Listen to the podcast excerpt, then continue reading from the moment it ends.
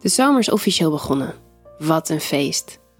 Ik kijk in de spiegel, trek mijn rode jurk met decolleté recht en smeer lipgloss op mijn lippen. Je ziet er beeldschoon uit, lieverd, zegt Boris goedkeurend als hij langsloopt. Hij kust me in mijn nek, snuift mijn geur op. Mama, is de taart al klaar? vraagt mijn vierjarige dochter Bobby. Ik woel door haar blonde krullen. Bijna, lieverd. Zullen we gaan kijken? We lopen hand in hand naar de keuken en bekijken de appeltaart in de oven. Dan gaat het alarm af. Bobby slaakt een kreet van plezier. Een half uur later loop ik met de verse taart en mijn gezin naar de woning van onze buren, drie huizen verder, waar ze vandaag een tuinfeest geven. We lijken een volmaakt perfecte familie. Man, mensen zouden eens moeten weten wat ik de afgelopen tijd heb uitgespookt. Maar vandaag ga ik proberen niet steeds te denken aan wat ik op mijn kerfstok heb. Mijn familie verdient mijn onverdeelde aandacht. Ik verheug me op een ouderwets ongecompliceerde burgerlijke middag. Want Jezus, wat is mijn leven complex de laatste maanden. Al die leugens die gepaard gaan met vreemdgaan, ze bezorgen me stress. Als ik aan mijn meest recente seksuele escapade denk, met collega Adam, dan breekt het zweet me weer uit. Het is me vorige week gelukt Adam te ontlopen. Maar ik besef dat we twee tikkende tijdbommen zijn. Mijn hoofd zegt nooit meer doen. Maar mijn lijf, mijn lijf schreeuwt om een tweede ronde. Tijdens de vergadering maandagochtend wist ik niet waar ik het zoeken moest.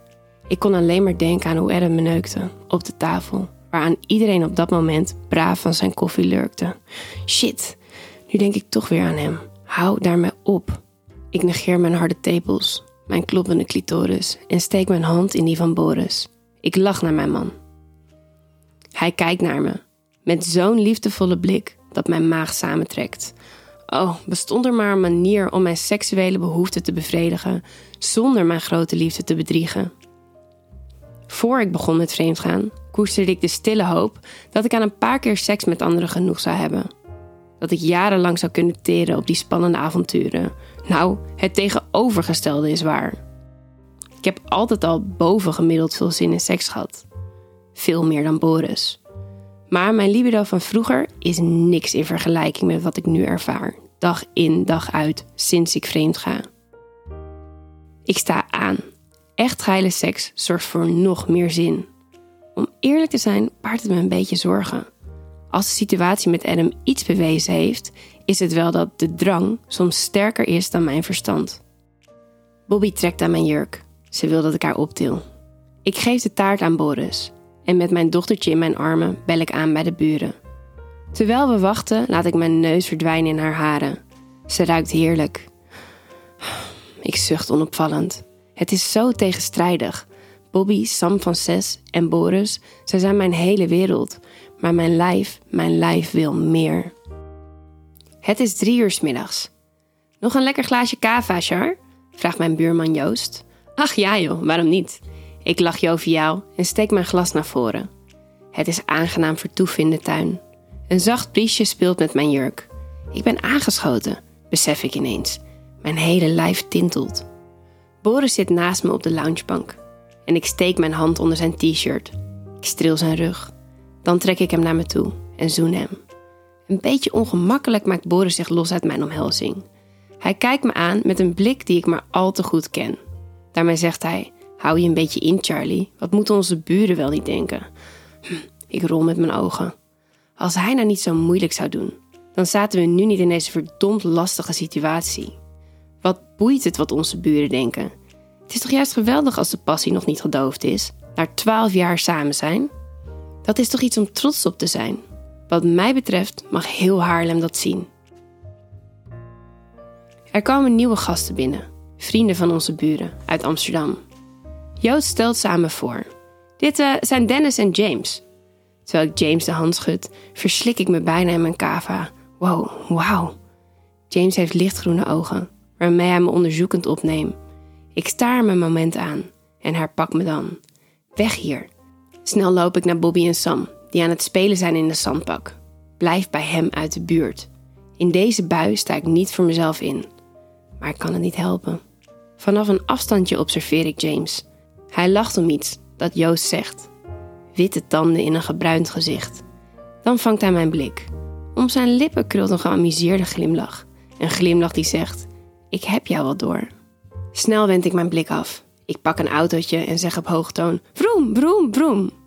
Bobby en Sam kijken me verbaasd aan. Oké, ik moet echt even normaal gaan doen. Ik sta op en loop naar de koelkast. Daar schenk ik mezelf een groot glas water in. En nog een beetje kava. Mijn hoeveelste glas is dit? Ik ben de tel kwijt. Maar hé, hey, wat doet het ertoe? Het is weekend. Charlie, toch? Ik voel een hand op mijn arm. Als ik me omdraai, staat James achter me. Doe mij ook maar zo'n glaasje. Zo kalm mogelijk pak ik zijn glas aan en vul het met bubbelwijn. Ik kijk om me heen. Het huis is leeg. Alle gasten bevinden zich in de tuin. James staat dicht bij me. Heel dichtbij. Ik ril, terwijl het toch hartstikke warm is.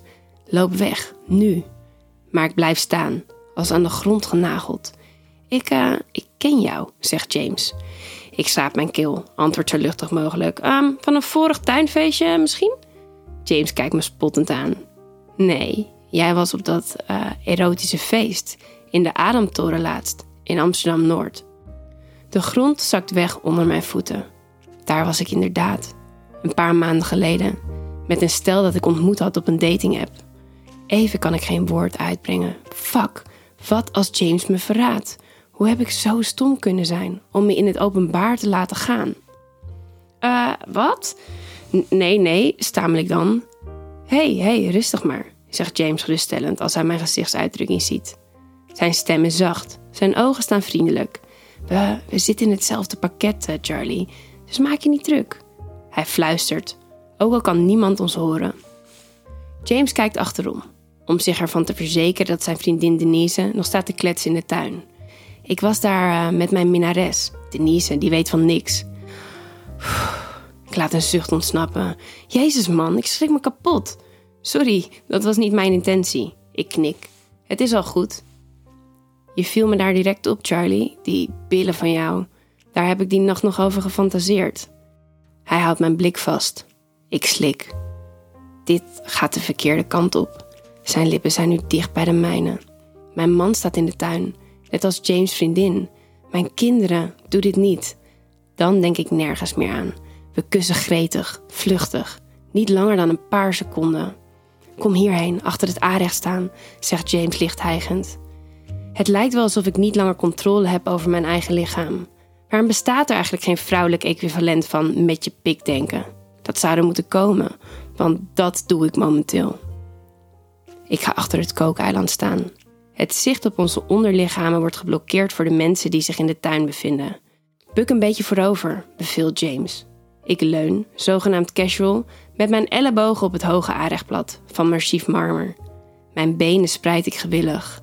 James gaat recht van mij staan, met zijn rug tegen het blad aan. Zeg het als er iemand aankomt, beveelt hij. Ik knik alleen maar, als in trance.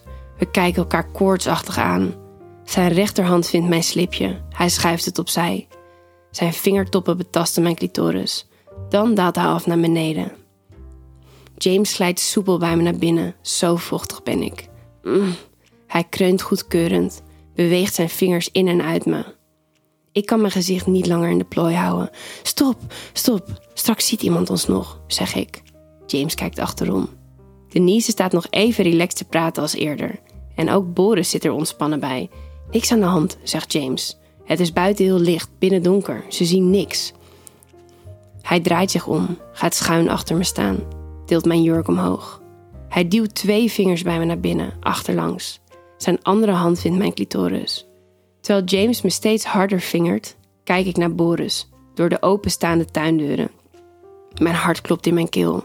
Dit is zo fout en daarom zo geil. Mijn benen voelen slap. Ik, wil dat je me neukt, hijg ik. Nee, Charlie, dat gaat te ver.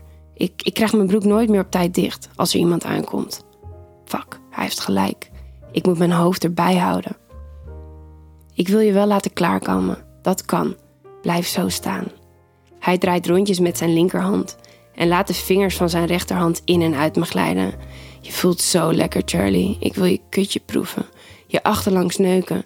Ik wil je alle hoeken van de kamer laten zien. Oh, ik kreun. Eigenlijk wil ik het uitschreeuwen, mijn hoofd naar achter gooien. Ik wil James tongen. Maar dat kan niet. Het kost me steeds meer moeite me niet te laten gaan. Ik bijt keihard op mijn lip. Dan voel ik een tinteling opkomen vanuit mijn tenen.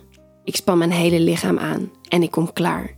Net op het moment dat Joost de huiskamer binnenkomt lopen met een vol dienblad. Ik schrik me kapot. Maar mijn orgasme, dat laat zich niet meer tegenhouden. James gaat gewoon verder. Hij blijft zijn handen bewegen. Joost ziet ons niet. Maar nog een paar meter en hij is bij het kookeiland. Ik duw James weg, maar hij is te sterk. Hij blijft zijn vingers bewegen. Ik schok. Eén keer, twee keer, drie keer. Dan trekt James zich razendsnel terug. Zijn handen vechten af aan zijn broek. Een paar tellen later ziet Joost ontstaan. Oh, hey, hier zijn jullie. Ik kan nog niet praten en neem snel een gigantische slok kava om oogcontact te vermijden. Ja, we hebben zelf maar even zo'n lekker eh, bubbeltje uit de koelkast gepakt, zegt James op bewonderingswaardig kalme toon. Wat heb je toch een uh, geweldige keuken, man? Charlie en ik hadden het er net over. Denise en ik willen ook iets vergelijkbaars in ons nieuwe huis. Ik sta erbij en kijk ernaar. Niet in staat iets zinnigs uit te brengen. Oh ja, mooi hè, zegt Joost trots. Hij wijst naar zijn inductiefornuis en begint uitgebreid te vertellen over de voordelen. Ik knik vriendelijk, maar luister niet. Het gonst in mijn hoofd. Dit is weer een grens die ik heb overschreden. Wat bezielt me? James vangt mijn blik.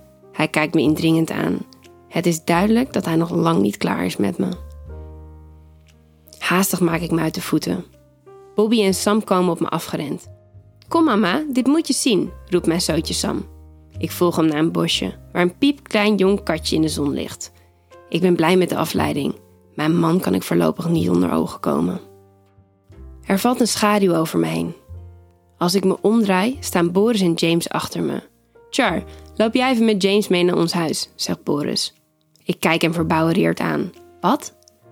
Bij ons thuis uh, staan nog twee uh, dozen Bernard Chardonnay. De wijn is hier bijna op en ik moet Joost even helpen met de barbecue. Ja? Ik knik, aarzelend. En zonder een woord te zeggen lopen we naar mijn huis. Ik met grote stappen. James in mijn kielzog. Charlie, doe eens even rustig, zegt hij. James, wat we net hebben gedaan, dat kan echt niet.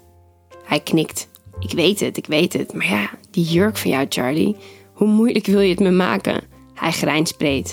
Het is wel duidelijk dat hij niet kampt met schuldgevoelens. Hoe, hoe heb je dit eigenlijk geregeld? vraag ik. Nou, we hadden het over wijn, Boris en ik. En toen vroeg Joost toevallig of Boris nog wat lekkers had staan. Omdat de goede wijn al bijna op was. Ik wist dat Boris Joost moest helpen en uh, bood aan het op te halen. Weer die brede grijns. Jij bent erg, zeg ik hoofdschuddend. Ik steek de sleutel in het slot. Haal je niks in je hoofd, zeg ik als we binnen zijn. Ik kijk James waarschuwend aan.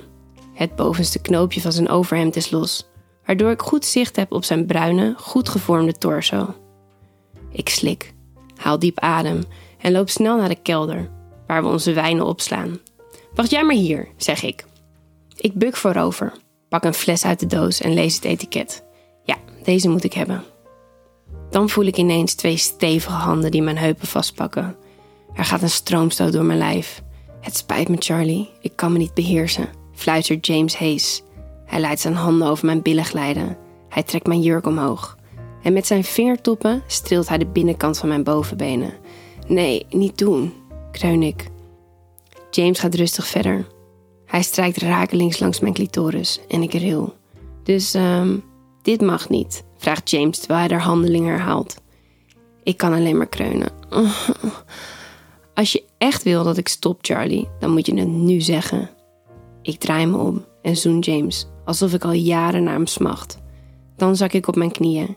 Ik knoop zijn broek los en doe waar ik al zin in had vanaf het moment dat ik hem in de tuin zag staan. Ik neem zijn perfecte erectie in mijn mond, glij langzaam op en neer en verhoog dan mijn tempo.